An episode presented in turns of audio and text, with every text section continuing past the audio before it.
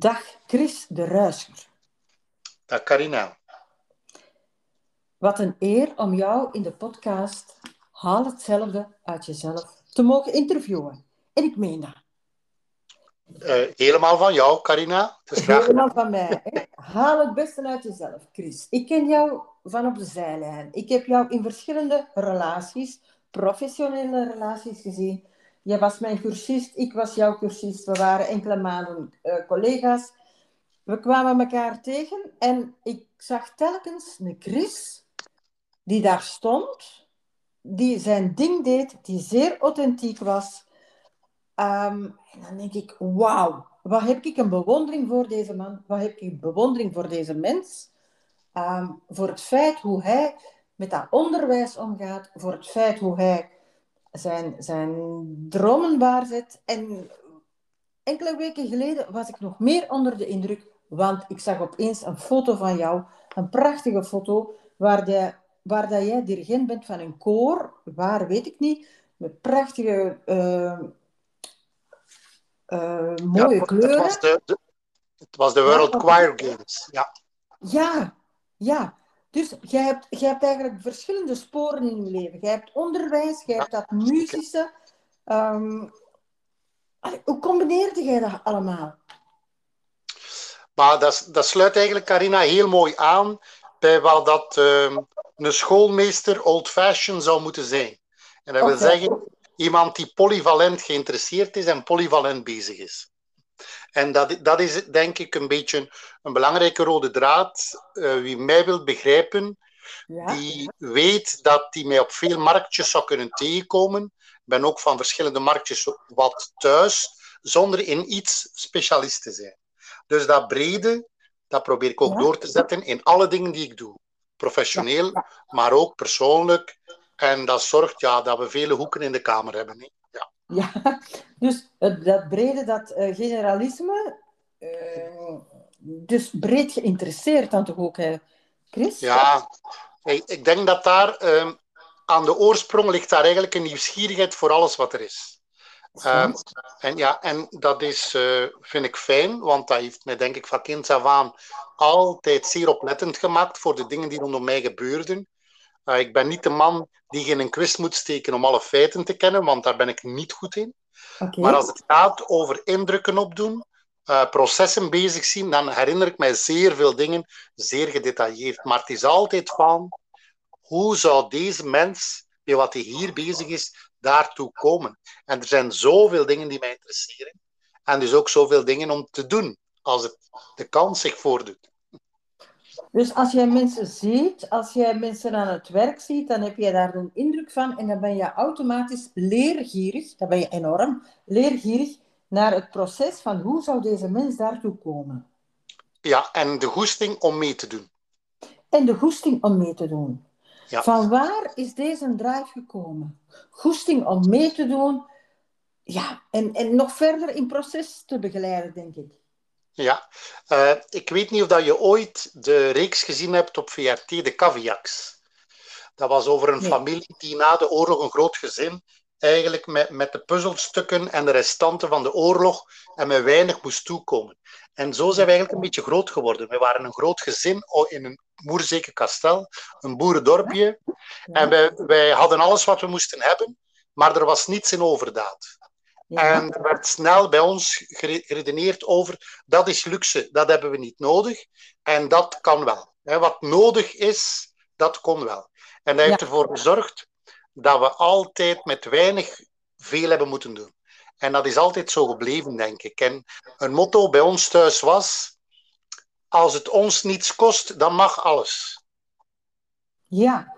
Er was geen probleem met, dat ik piano wou spelen, maar er was wel een probleem om een piano te krijgen. Maar ja. ik kreeg dan een piano, uh, wel een versleten geval, en dan was er ineens geen probleem, want ik mocht zeker piano spelen. Dat was niet het probleem.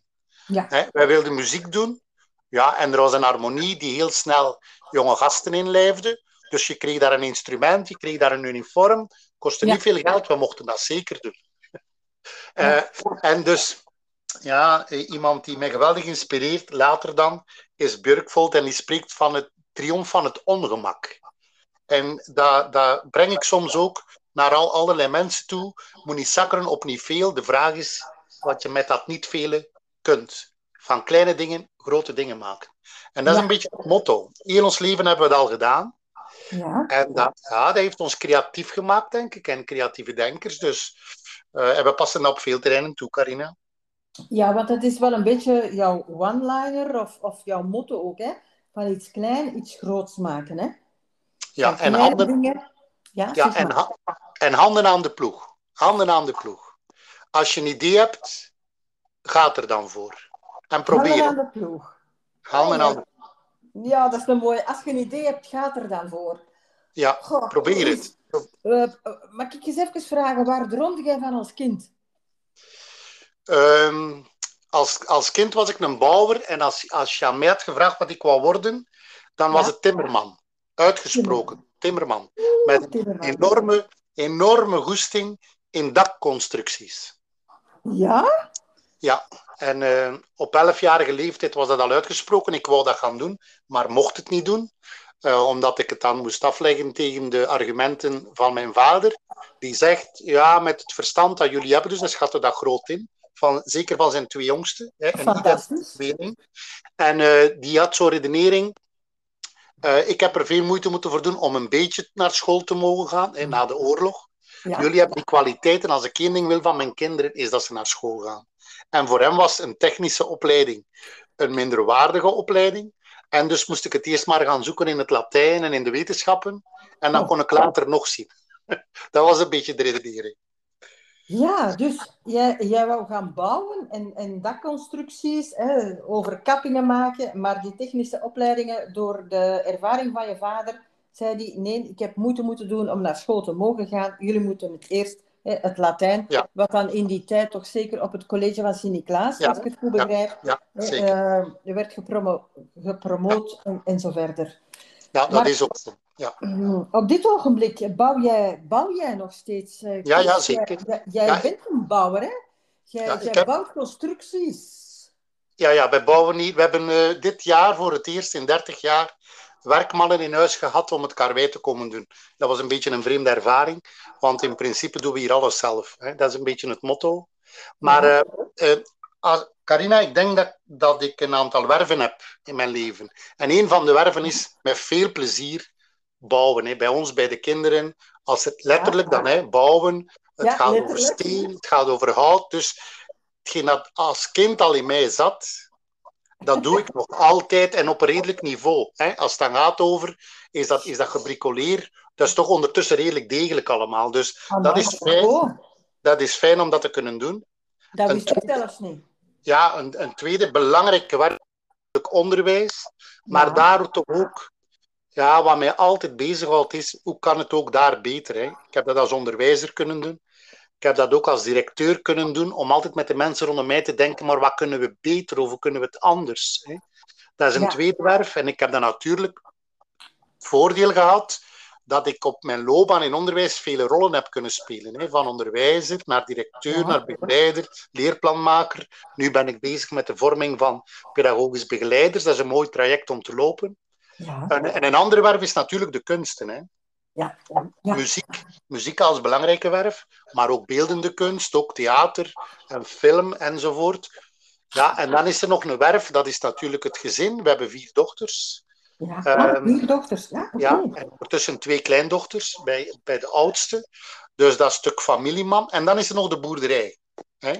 Um, zo, zo de goesting om met dieren te werken. We hebben hier een paar paarden lopen zijn ooit schapen geweest en zo. Dus daar, ja, daar ben ik allemaal mee bezig. Dat soort dingen. Maar, ongelooflijk, uh, Chris. Ongelooflijk. Uh, nu, je hebt dus verschillende werven. Hè? Het bouwen, echt wel ja. uh, letterlijk. Ja. Maar dan het figuurlijk bouwen binnen onderwijs, waar ik jou heb leren kennen.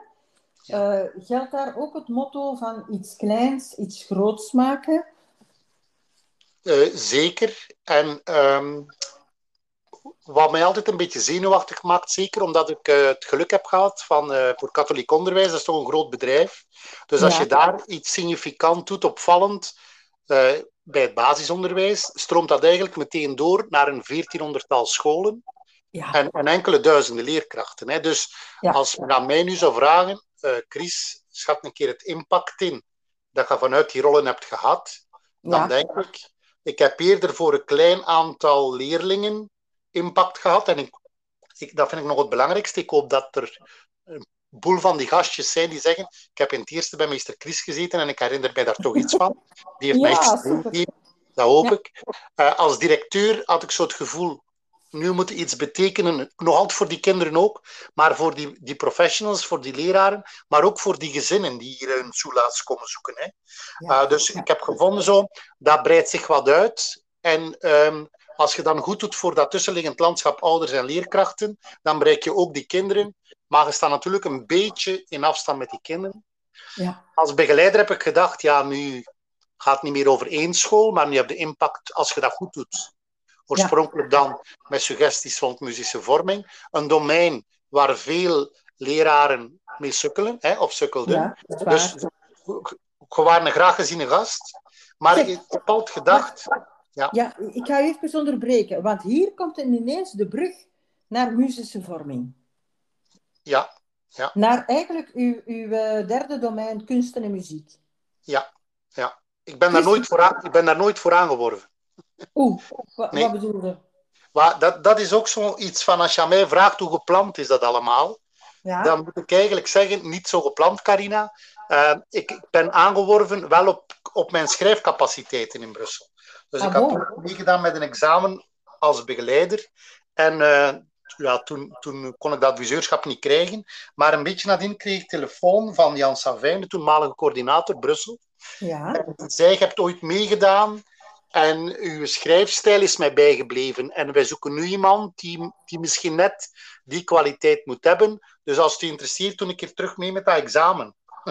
Ah, Zo ben ik dat, daar een examen gaan doen. Dat ging over interdiocesane toetsen en over Ja. beginnende directeurs. Dus ik dacht, ja, het zal vast daarmee te maken hebben. Eh, Ik herhaal dat ik veel werven kan hebben. Hè. We moeten niet veel doen om Ja. te overtuigen om iets op te nemen. Maar dan kwam ik daartoe, Carina, en toen zeiden ze, ja, je zei hier nu, we zijn blij dat we u hebben, maar wat gaan we u nu laten doen? Zeg een keer wat dat je Chris. graag zou doen. ah, Chris, dat is geweldig. Ja, zeg een keer wat je graag zou doen. En toen was er daar iemand op de sukkel met muzische vorming. Een begeleider, die had de opdracht gekregen van een praktijkboek te maken. Die leerplannen waren toen kakelvers gelegd. Dat waren niet de beste leerplannen, een hele set. En ik mocht daar gaan helpen en ik ben daar gebleven. Ah, dat, is echt, dat is echt wel mooi. Hè? Dus Jan Savijn heeft jou echt wel een kans gegeven om jouw droom of, of om de dingen eh, te kunnen realiseren op een breder niveau. Zodat mensen die daarmee sukkelen, hè, van, van iets klein, toch iets groot kunnen maken. En dat, en dat was moeilijk, Carina, want dat was Ja. een onontgonnen gebied. Ah, dus hetgeen dat we daar deden, dat liep meteen in de kijker. Dat was het verhaal van de Museplu. Als je in Vlaanderen nu vraagt, de Museplu, velen zullen zeggen, ja, ja, dat is van jaren terug. Maar dat heeft dan met ons te maken. Dus als je, snap je, impact op onderwijs. Ja. En dat was dan bijvoorbeeld het pleidooi dat kinderen in al die scholen toch op zijn minst niet alleen met beeld en muziek, maar ook met dans en met theater enzovoort in aanraking zouden komen. Dus Ja. we, hebben, we zijn er wel in gelukt om aan al die leerkrachten op zijn minst schurend te vertellen. Als je het goed aanpakt, dan zorg je dat je kinderen die muzische meertaligheid op het spoor komen. Dus Ja. daarvan kunnen we zeggen, als je dat woord roept en dan zeggen mensen, kennen we? Dan denken we, dat is goed, want we waren in de buurt. Ja, Eh, als je nu roept in het landschap, zin in leren, zin in leven, dan Ja. kan ik zeggen, ik was in de buurt, spijtig, niets aan te doen. En een bijnaam is de Zilman. Dus zie je. Maar eh, dat is die grootschaligheid van de organisatie. Ehm, en dat houdt toch ook wel in dat je als, moet ik dat zeggen, zeker op onontgonnen gebied, moet je toch zien dat je met geen dingen komt die ook niet de moeite zijn. En ehm, dat weet je niet Mhm. altijd op voorhand. Je doet om goed te doen, Mhm. maar misschien zijn er wel bronnen of anderen die ook iets kunnen tegenspreken of weerleggen. Dat is wel iets dat mij altijd wel onrustig maakt. Is het Mhm. genoeg om het op grote schaal zomaar te declameren? Maar goed, ja, dat Ja. is iets de kantlijn. Ja, eh, Chris, in, ehm, wat ik hoor is, je hebt op eh, verschillende domeinen binnen het basisonderwijs impact gemaakt. Als ik hoor spreken over muzische vorming, als ik hoor spreken over zil, dan denk ik automatisch aan jou en dan denken heel veel mensen aan jou. uh, wat je daar uh, in teweeg gebracht hebt. Uh, jij waart in de buurt. Um, ik kan me voorstellen, zoals gezegd, van... Ehm, allez, zoals gezegd niet, maar uh, heb je dan geen tegenwind of uitdaging ervaren? Ik heb ook niet... wel. Ja, jawel, omdat... Maar had ik bij de scouts geweest, die had me een totem moeten geven, ja. dan had die een totem misschien zoiets geweest in de aard van, denk ik.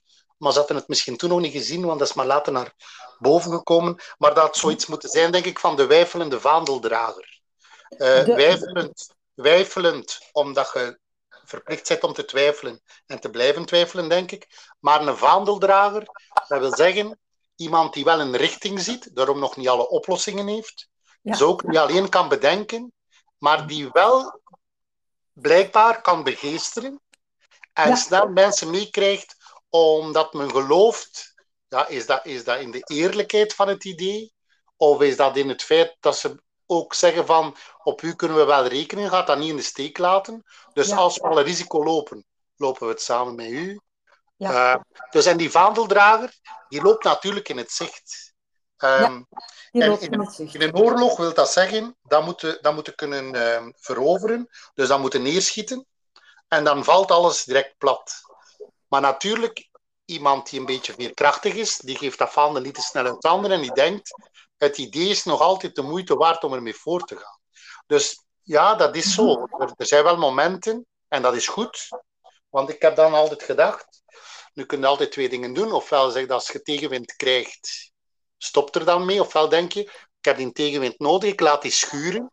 En ik denk, ah ja, misschien moet ik toch een beetje een andere richting uit. Of kan diegene die tegenwind geeft toch niet meemarcheren? Interessanter dat hij meemarcheert dan dat hij tegenmarcheert. Mm En op een of andere manier heeft, ja, mag ik daar dan toch niet over klagen. Ik zal het zo zeggen. Oké. Nu, tegenwind, ik ben zelf pilote, uh, ik weet niet of ik dat weet, maar ja, ja. tegenwind doet u uh, groeien. Doet u omhoog gaan, hè? Doet, u, uh, doet u vleugels geven. Um, ja. Komt er altijd sterker uit. Allee, daar ben ik zeker van. Het is wel een mooie, mooie uitspraak, de totem, de, de wijfelende vadeldrager. Um, je bent begeesterend, maar je bent niet alleen begeesterend. Want er zijn ook veel vaandeldragers die begeesterend kunnen zijn, maar die daarom geen inhoud hebben. En jij kunt beide. Jij kunt begeesteren, je hebt een mooie taal, je kunt motiveren, maar je brengt ook inhoud waar andere mensen niet opkomen. Dat is ja, en, en toch is dat een van de dingen waar ik altijd beducht voor ben. Want um, als je het dan hebt over tegenwind, dus mensen die in de breedte denken, um, ja kunnen, kunnen denk ik mirakels doen, want die verbinden, kunnen creatieve oplossingen vinden, maar hebben altijd te maken met specialisten die door hun specialisme, met recht van reden soms ook, natuurlijk peuterig zijn en dan die verbindingen die je maakt soms weer in vraag stellen. Ja, peuterig. Uh, van, ja. Uh, van, van kan je eigenlijk wel met een bepaald inzicht op de wandel gaan en dat zomaar toepassen op andere dingen. En dat is, mhm. dat is iets wat ik voortdurend doe. Ik toon ook vaak bronnen, want dat is een deel van mijn job. Je zegt aan de mensen, kijk, dat is een bron die vertelt dit en dat. En ja. um, ik zet er altijd naast, wat betekent dat voor mij in het gebruik van die bron. Dus, dus ik, ga wel even ook zo in een tijd uh, het, het, pleidooi voor evidence-based, evidence-informed werken. Ja. Ja, ja, tuurlijk wel, tuurlijk wel. Er zijn interessante inzichten. Maar in onze rayon van de opvoedkunde en de didactiek is dat ook geen exacte wetenschap. Ja. En um, je moet vaak, als je die onderzoeken allemaal leest en betrekt, ook altijd kijken, die context, iedereen zegt, de context is zo bepalend, de leraar doet ertoe. En dan ben ik de eerste om dat allemaal sterk te nuanceren ook. Ja. Uh, maar dat zorgt dat je wel eens tegenwind krijgt, ja, omdat men dan iets mm -hmm. heeft dat je schrijft. Men, men vindt dat een te snelle bewering. Uh, of men, men, ja, dit en dat of geen. Maar door de, door de band heen ben ik toch altijd blij dat ik zo met die mensen ook aan samenzitten. En ja. dan geldt inderdaad, je moet zorgen dat ze in uw fanfare stappen. En dan, ja. uh, dan, dan wordt iedereen er beter van. Oké, okay, je stapt in uw fanfare hè, met uh, mensen die het niet altijd met u eens zijn. En dat is gezond. Want ja, maar dat, dat, is interessant. Ja. Dat, dat is oké. Okay. En je, je speelt ook constant de vertaling van de moeilijke stukken naar de praktijk voor het onderwijs. Dat heb ik ervaren, Carina, dat dat een belangrijke drive is. Als je mensen mee wilt krijgen, dan ja. zeg je inderdaad, jij opent wel een venster voor ons, omdat je dingen gelezen hebt, gestudeerd, omdat je wat ervaring hebt. Dus je, als zeker voor mensen die in onze vormingen zitten, dan mogen ze van ons verwachten. Wij openen een venster, doen hen daardoor kijken, maar we keren altijd terug naar een praktijk die we samen kennen. Ja. Ja. En dat vind ik voor vorming wel een belangrijke. En ik voel ook dat dat wordt gewaardeerd bij mensen, dat die dan eigenlijk wel zoiets hebben. Je hebt recht van spreken, want je vergeet die connectie niet met die realiteit. Dat is waar, dat is mooi, Chris. Je vergeet de connectie niet. Uh, nu, connectie, doe bij mij ook nog een ander woord oproepen. Sorry dat ik u misschien uh, op een ander spoor breng. Nee, maar je hebt ook uh, van de geboorte af een speciale connectie met iemand anders. Ja, ja. Uh, je doelt waarschijnlijk op mijn tweelingschap. Hè? Ja. dus ik, ik ben, we zijn, dat, is belangrijk, dat is belangrijk wat ik nu ga zeggen, omdat dat heel bepalend is. Uh, wij hadden een moeder die al drie zonen had, een vader en een moeder die al drie zonen hadden. Ja. En mijn moeder droomde nog altijd van een meisje, een, een dochter. Oh. En uh, dus na een kleine pauze van een drietal jaar heeft dat ouderpaar gezegd: we gaan er nog eens voor gaan en het zal moeten lukken. We gaan wel ja. aan een dochter geraken, ziek. En uh, dat, dat was in de goede oude tijd dat mensen ook nog niet goed wisten hoeveel, hoeveel baby's dat er konden zijn. Dus mijn moeder wist eigenlijk niet dat ze een tweeling had. Zwanger was van een tweeling. En dat bleken dan nog eens twee jongetjes te zijn. Dus dat, dat, is, dat is al een bijzondere situatie.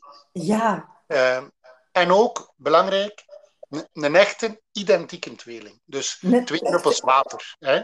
Oh, uh, dat betekent dat wij van jongs af aan een soort bezienswaardigheid waren. Dat is ook lang voor de, ja, de fertiliteitsdingen waarbij dan meerdere geboren. Dat was een uitzondering.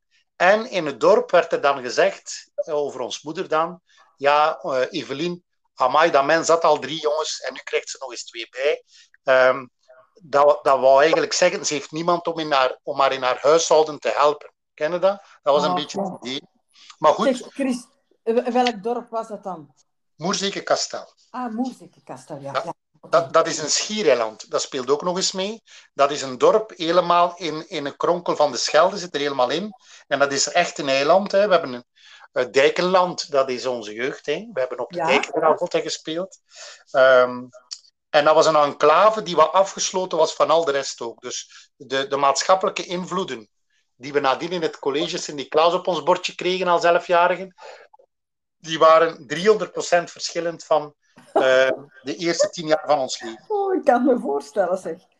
Maar, maar wat is belangrijk voor, ja, voor een tweeling en een identieke tweeling, dat, is, um, dat heeft veel voordelen, maar in zo'n relatie is er altijd sprake van een dominante en een ondergeschikte. Dat klinkt nu erger als wat het is, maar dus als we studies hebben, altijd is dat voor mij de eerste vraag als ik zelf een tweeling leer kennen. Niet dat ik het hun vraag, maar ik probeer het te detecteren. Wie is de dominante, wie is de leider van de twee en wie is de meegaande? En um, ik heb ooit een boekje gekregen, het zit hier ergens tussen, maar ik weet niet meer waar, waarbij dat wetenschappers de plaats in het gezin beschrijven en ja. hoe belangrijk dat, dat bijvoorbeeld is. En dat is zeer uitgebreid. En onder andere staat daarin um, wat als in een gezin van, met vijf broers de jongste een tweeling zijn. Ja. En dan nog een identieke tweeling.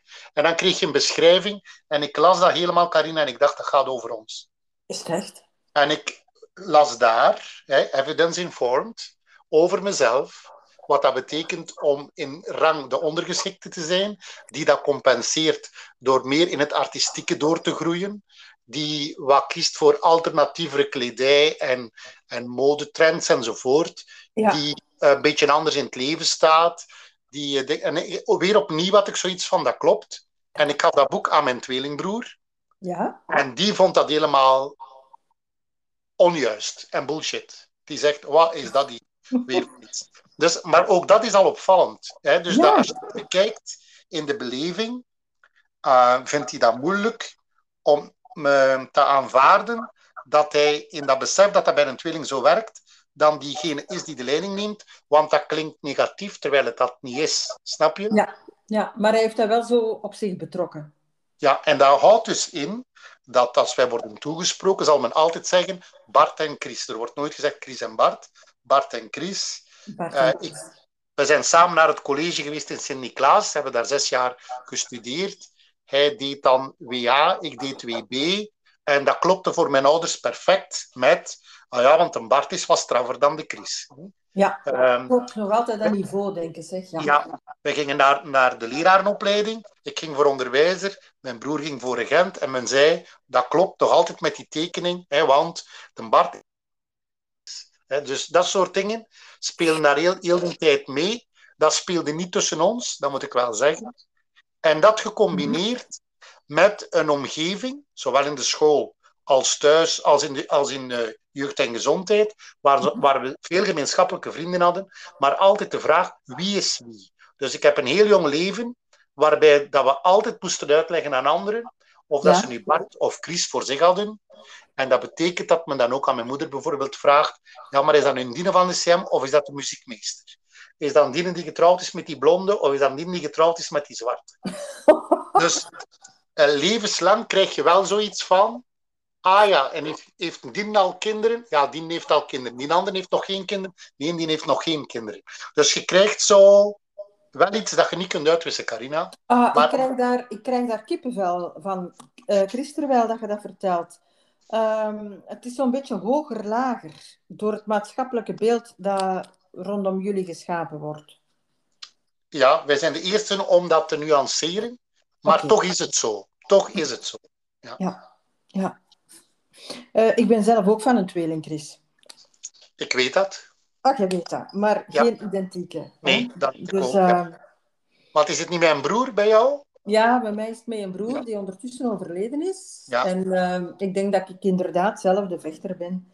En uh, ja, de dominante ben. ja, ook al ben ik misschien een meisje. Hè. Ja, maar goed, zo, zo het, het, het, het lager gevoel dat de maatschappij u geeft, heb je, heb je dat in jouw onderwijsverleden of heb je dat in jouw muzische leven daarna? Hè? Want we zijn nog maar aan, uh, aan uh, eigenlijk drie werven. Hè? Ja. Um, kom je dat nog tegen? Dat mensen jou in een onderwaardige positie willen duwen? Ook al uh, presteer je enorm veel, Chris? Ja, maar ja, nee, ik, ik kom dat niet tegen. Zeker niet in de werven waar dat, waar dat bijvoorbeeld mijn broer niet ter sprake komt of niet. niet. We, hebben, we hebben een leven voor onszelf ook. Hè. Dus ja. de vergelijking uh, stopt op het moment dat men dat niet heeft. Maar waar dat ik wel onder vind, is bijvoorbeeld in een diploma-bonificatie, bij ons in het grote bedrijf, waar men wel ziet dat je uh, als projectleider dingen kan doen en eigenlijk wel beschikt over, over de nodige achtergrond om de dingen goed te doen en voortdurend ja. verdienend en u bijwerkt. Maar daar, daar hoedt men zich bijvoorbeeld niet om te zeggen op een bepaald moment, ja, als we nu toch de keuze hebben, uiteindelijk ben je wel, ondanks hetgeen je al bewezen hebt bijvoorbeeld, nog altijd laag opgeleid. Dus je wordt ook op latere leeftijd wel teruggezet naar, je bent maar een schoolmeester, snap je? Uh, ik snap het, maar je hebt wel heel veel ervaring en kennis ondertussen gedeeld. Dat wordt niet meegenomen. Of niet, uh, geen aandacht aangegeven, niet voldoende dat heeft, dat heeft er vooral voor gezorgd dat op een bepaald moment er wel eens deurtjes niet open gingen, waarvan dat ik had gehoopt dat ze wel open gingen. Maar ja. verder kom ik wel terug op mijn credo van ervoor, de triomf van het ongemak. Dat heeft me ja. nooit uh, weerhouden om dan weer de handen aan de ploeg te slaan en binnen datzelfde bedrijf op nieuwe werven iets te doen. Hè. Zin in ja. leren, zin in leven. Dat is een project geweest dat weinig anderen zouden op en ja. ik moest daarvoor geen leidinggevende zijn om dat te kunnen doen. Hè. Daar is daar een soort spontaan leiderschap rond ontstaan, uh, waarbij dat iedereen zei, het is goed dat we die gast hebben als penhouder en als projectleider, want dat project loopt en we worden goed opgevolgd enzovoort. Dus dat heeft eigenlijk mij zo wat de kans gegeven om, zonder dat er een deur van een leidinggevende functie moest opengaan, ja. toch te tonen dat ik wat met een groep mensen niet kon bereiken. Hè, zie je? Ja, tuurlijk. Dus, uh, je hebt je daar volledig voor ingezet, hè? Ja, zo erg hoeft dat niet te zijn. Ja, dat is, dat is knap, Chris. Uh, Chris, hoe dat je dat telkens uh, ja, niet in een ontgoocheling gaat, niet in een frustratie gaat, maar jij staat er. jij staat er. Net zoals je in uw werf, op uw werf staat van het muzische. En ik geloof dat daar de meester van uw derde leerjaar iets betekend heeft. Uh, ja, toch wel. Toch wel. Uh, meester Willox, om hem zo te noemen, was, ja? was, een, was een uh, getrouwde pater. Ehm, ik denk niet dat dat zo'n een, een, fantastische leraar was, maar hij, hij, heeft wel bij ons eigenlijk, ja, hij heeft een soort muziekschool geïnstalleerd in, in de tweede graad van die gemeentelijke jongensschool. Ja. En je kon dan, zolang als dat er tweedehands instrumenten waren, meedingen naar zo'n instrument. En dan was je meteen vertrokken. Hè. Dus die ja. heeft wel heel snel, maar die, dat ging niet zozeer, Carina, over het ontdekken van een talent. Hè. Dat was weer, wie zou dat graag doen? Ja, wij waren dan met juist genoeg gasten die ons hand opstaken. Ik was dan nog de laatste in de rij van vijf. Er waren vijf instrumenten te bekomen. Ja. Dus ik moest het doen met de laatste keuze en dat was een bariton. Um, om, om maar te zeggen dat dat geen dingen waren die ik heb kunnen vooropstellen in een verlanglijstje. Die vraag kwam er. Hè? En, dus, ja. en ik ben dat gewoon gaan doen. Er kwam in de tijd bij ons in de gemeente een speelplein. En ze vroegen of dat ons zou interesseren om daar monitor te worden als 15-jarige. Ja, ik heb dat gedaan. Um, en dat, dat, dat was de start dan om later naar jeugd en gezondheid te gaan. En daar dan een heel traject te doorlopen. En dat zijn voor ons wel, ook als ik dat met mijn tweelingbroer bekijk, en daarin verschillen we van die drie andere broers bijvoorbeeld. Ja. Um, we zijn, zonder dat ons dat gevraagd is, ik zeg niet tegen onze wil, maar zo nozel waren wij, als we elf jaar waren gedeporteerd naar Sint-Niklaas, van een kleine buitenparochie gemeenteschool, zonder studieattitude, eender wat, naar dat grote college in Sint-Niklaas. We werden daar ook meteen intern, ook iets dat we nooit gedaan hadden. Ja. Want, want we waren met twee. Weet je wel, mijn ouders hadden zo wel iets van. Alleen zouden ze dat niet gedaan hebben, want hoe triest, alleen daar gaan zitten. Maar we hadden compagnie aan elkaar, ken je dat? Ja, ja. Um, dus we kwamen in een wereld die wij thuis nooit hadden kunnen fantaseren. Ja. Dat was een soort Harry Potter gevoel, Weinstein gevoel, met lange gangen. Maar we hebben ons daaronder boven wonder aan aangepast. Wel met een soort emotionele tol, want ik heb u gezegd, ik wou eigenlijk schrijnwerker worden. Ja. Wij kwamen daartoe uh, om ons in te schrijven in de moderne, zoals dat toen heette. Maar ja. de inschrijver die zei tegen mijn ouders, maar met zo'n fantastisch rapport, gaan u die twee toch niet in de moderne steken? Dat zijn er voor de Latijnse. En hup, we zaten in de Latijnse. En, Snap je? Ja, en ja. dat was geen goede keuze, want wij, wij hadden misschien verstand genoeg, maar we waren op niets voorbereid, dus dat kon niet goed aflopen. Uh, maar dan in dat tweede jaar mochten we dan toch naar de moderne hè, enzovoort. En dan is, zie je, dat zijn allemaal dingen die gewoon gebeurd zijn. Dat heeft niets te maken gehad met kiezen. Dat heeft, ja. En dan van het een kwam het ander. En dan DCM. Dat heeft gezorgd dat we dus van Kastel weggaan om de wereld te ontdekken, is geholpen door naar Sint-Niklaas te gaan, daar te overleven. Ja. Een nieuwe opvoeding, nieuwe waarden, nieuwe verhalen op het spoor te komen. Een Ja. nieuwe manier van leven ook te zien. Want uh, de bon monde van de stad zat daar. Ja. En dat was voor ons zo verschillend. Uh, en dan nadien Dendermonde, als tweede stad in de buurt, waar Ja. dat we heel ons jong leven zijn kunnen ontwikkelen vanuit monitor naar hoofdmonitor naar instructeur. Dus ik heb zeker daar evenveel dingen geleerd als in de Eh, leraaropleiding. Ja, eh, bedoel je nu CM, Dendermonde? Ja. Ehm, Ja, ja, ja. ja Was, dat, eh, in, in, was dat als beroep? Nee, nee, dat was als, als in de vrije tijd, hè, in onderwijs, Vrije er tijd, hè? vrije tijd. Ja. Dat heb ik eh, Ja. gemist. Ja. Eh, maar bijvoorbeeld de keuze om onderwijzer te worden, dat Ja. had onder andere te maken met, ah, dat is een tweejarige opleiding en ondertussen kan ik al die andere dingen ook blijven doen. Dus ik wil mee op kamp, ik wil mee cursus geven, eh, Ja. ik wil leraar worden. En, en dat klopte allemaal met elkaar. Daar zat muziek in, daar zat creativiteit in. Dus dat was een mooie cocktail. Zie je? Ja. Ja. Eh, Dat kon je, en mooi, ja.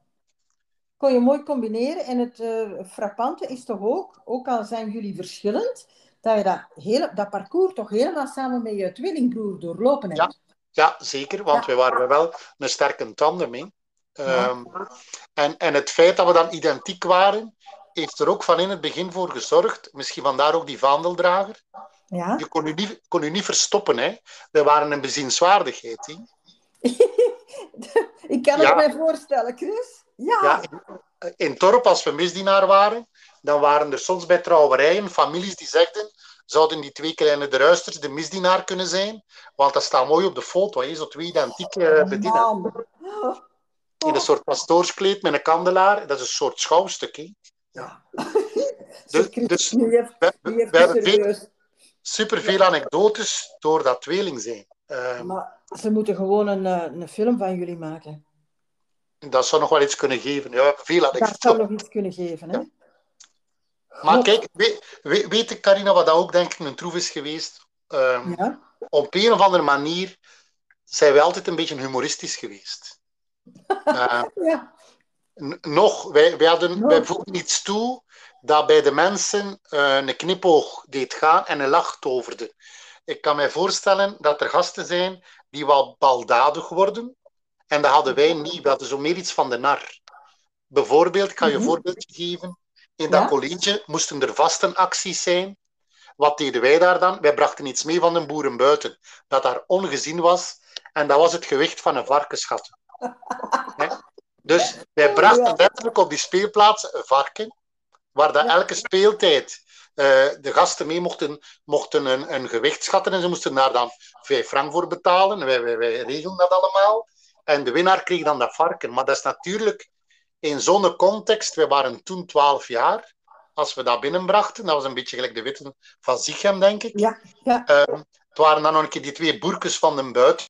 Ja, maar, en de jaren uh, 70.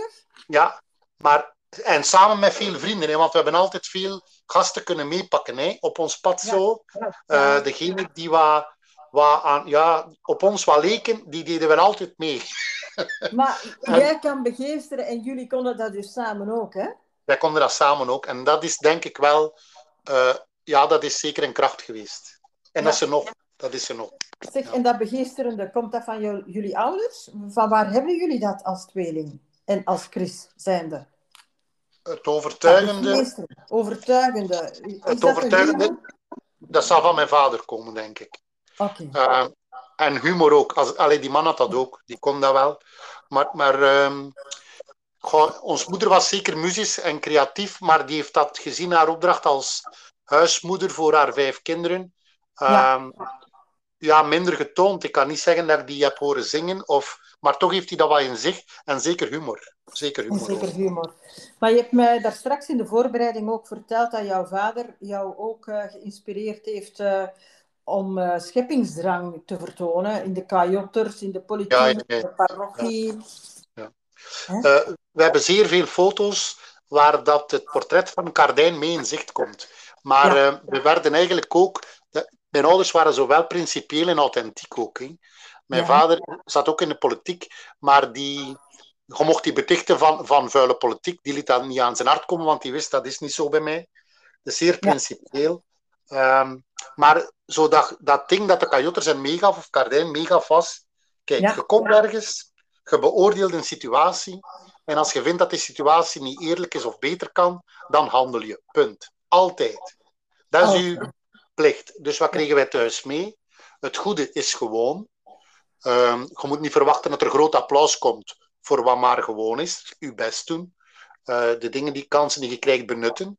Ja. Maar als je iets kunt toevoegen, dan kwam, dan kwam er wel in de zone van appreciatie en erkenning. Vooral erkenning. Het ging daar niet over, want ze waren zeer bescheiden in applaudisseren voor hun eigen kinderen.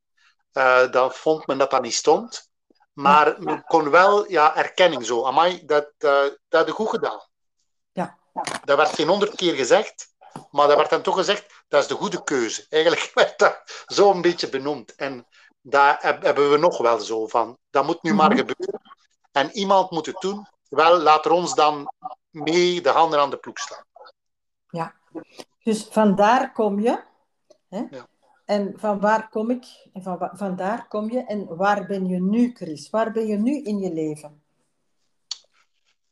Ehm, waar zijn we nu? Ja, Waar de, verantwoord... ja, de verantwoordelijkheid uh, heb ik wel ondervonden door de jaren, en ook met gezin en mijn eigen kinderen, is wel van de eerste keuze, is toch op dit moment de familie en wat daar gebeurt. Hè. De, de kinderen en de kleinkinderen.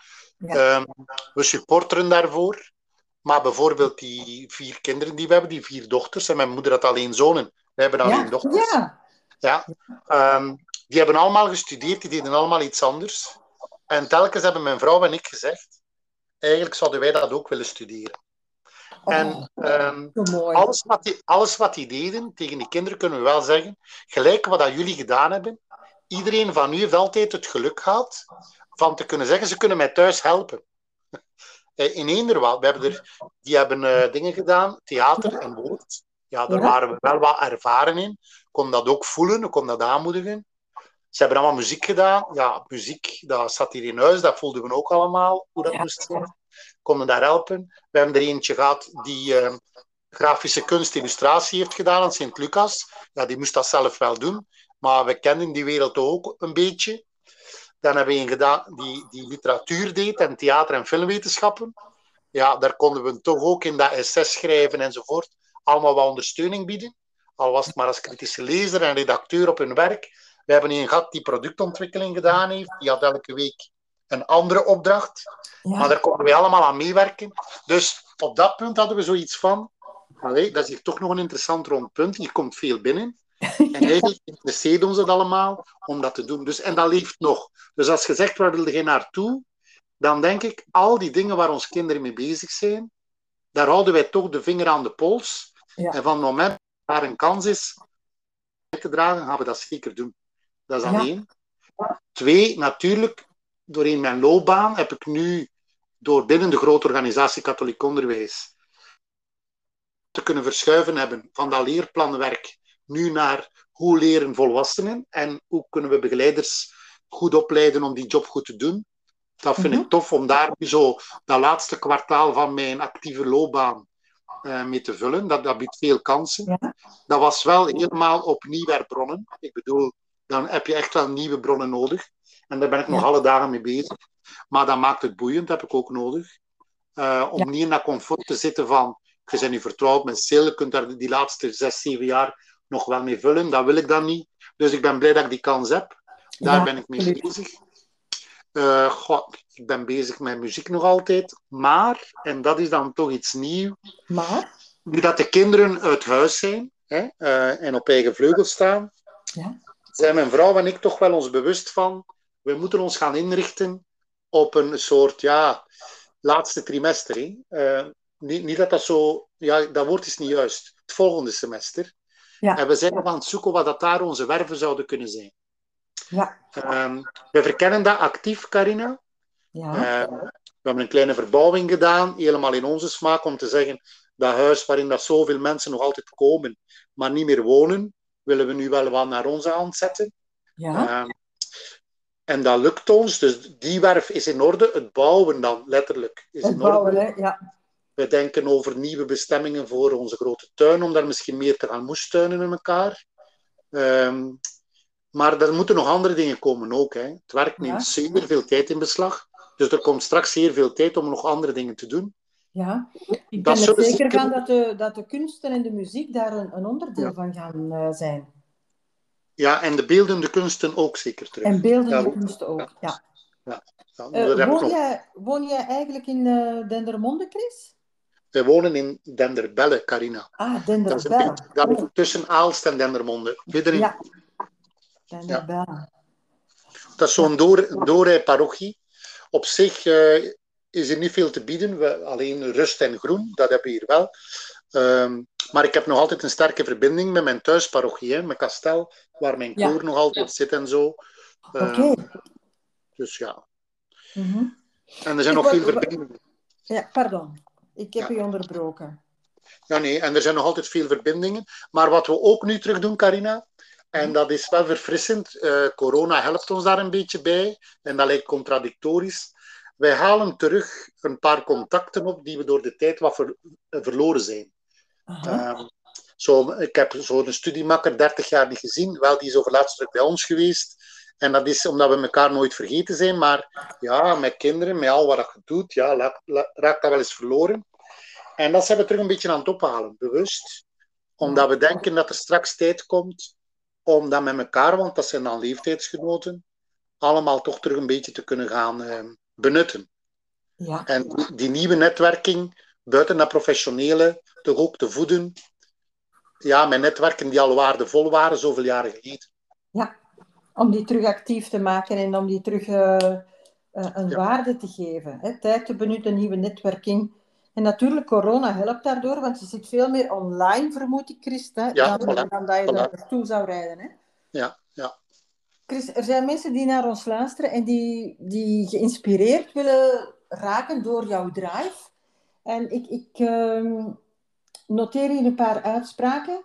Er kwam een vraag en ik deed dat gewoon. Het goede is normaal. Het goede is gewoon. Maar iets kunnen toevoegen aan dat goede, daar mogen we een klein beetje erkenning voor geven. Ja, en weet je wat ik daar, waar ik daar, daar nog belangrijker in vind? Zeg maar. Dat is, als je uh, een groep daarmee bereikt, dan is het applaus voor heel de groep. En dat betekent dat mensen die in de geborgenheid van een groep toch boven hun krachten kunnen uitgroeien, ja. Uh, in een soort ja, uh, vieren komen dat ze in hun eentje niet zouden vinden. Ik geef u een voorbeeld. Ja. Als, als in mijn klasje er een leerling was die eigenlijk niet goed presteerde, maar die, ik kon die nog altijd graag zien en die werd daar niet op aangesproken, maar we deden met die klas ook fantastische dingetjes, dan was dat applaus ook voor dat soort kinderen.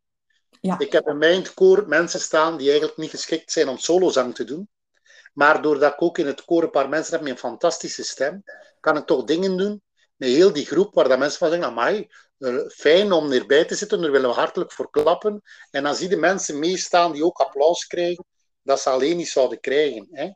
Een sterk ja. merk in een school, en dat vind ik ook, ook een kracht. Zo, uh-huh. Als je dat kunt, zo mensen doen glunderen, door het feit dat ze het samen kunnen doen, en ze hebben dan wel ja, een vaandeldrager nodig, of misschien een dirigent, die de weg wat toont, die hen uitnodigt. Maar die zorgt dat de poort, en dat vind ik ook een belangrijke, de poort moet voor iedereen kunnen openstaan. Maar dat is een mooie om mee af te sluiten, Chris. De poort ja. moet voor iedereen kunnen openstaan. Ja, dat vind ik wel. Ja. ja. Um, ik, ik, zou willen vragen welk advies geef je nog aan onze luisteraars, maar je hebt al zoveel adviezen gegeven. Uh, is er nog iets wat je op dit ogenblik wilt toevoegen voordat we afsluiten?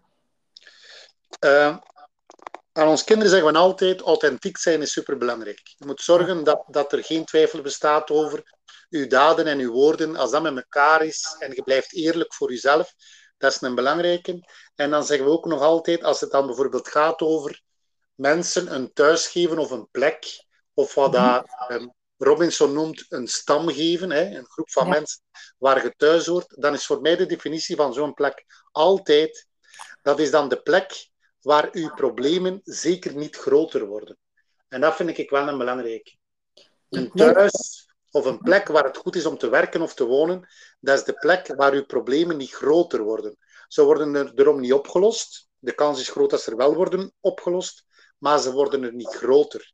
En dat vind ik, dat vind ik een goede definitie zo van ergens thuis zijn. Uh, ja, wat dat dan ook betekent. Ja.